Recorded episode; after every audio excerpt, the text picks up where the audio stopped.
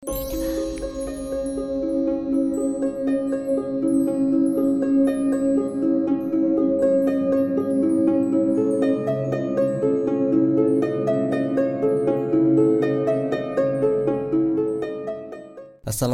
warahmatullahi wabarakatuh. Salam sejahtera untuk kita semua. Perkenalkan Saya Denny dari Rumah Horor Indonesia. Hari ini saya mau bawakan cerita pendek yang berjudul Toilet Underground Kisah ini saya bacakan dari akun Saka Purba Wattpad ya Judulnya adalah Toilet Underground Kisah ini datang dari pengalaman temen gua waktu di pesantren dulu setiap pesantren pasti punya ceritanya masing-masing. Seperti nggak mengenal umur, mau itu pesantren yang sudah ada dari zaman penjajahan atau yang baru berdiri sekalipun.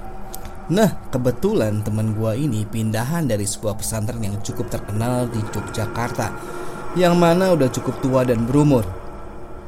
Jadi wajar kalau ada satu atau dua legenda dari tempat tersebut. Yang mau gue ceritain ke kalian ini adalah salah satu legenda pesantren itu yang dikenal toilet underground. Disebut begitu karena posisinya emang agak ke bawah tanah. Di sana itu ada salah satu WC yang rusak dan gak bisa dipakai, jadi digembok dari luar. Ingat ya, digembok dari luar.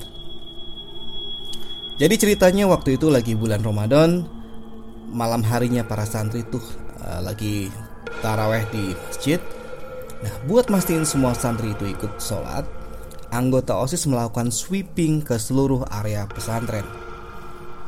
Saat teman gue ini meriksa toilet underground, dia mendengar suara orang lagi mandi. Dilihat tuh sama dia kan.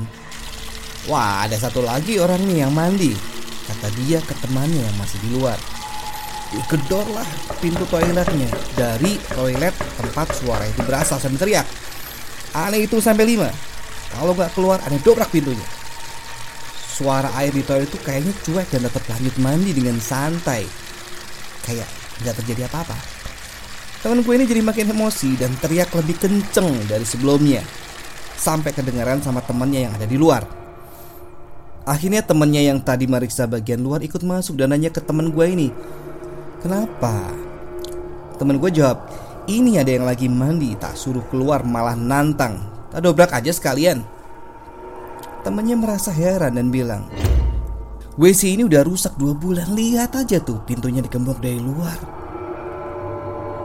Mereka berdua lihat-lihat dan langsung kabur dari toilet itu.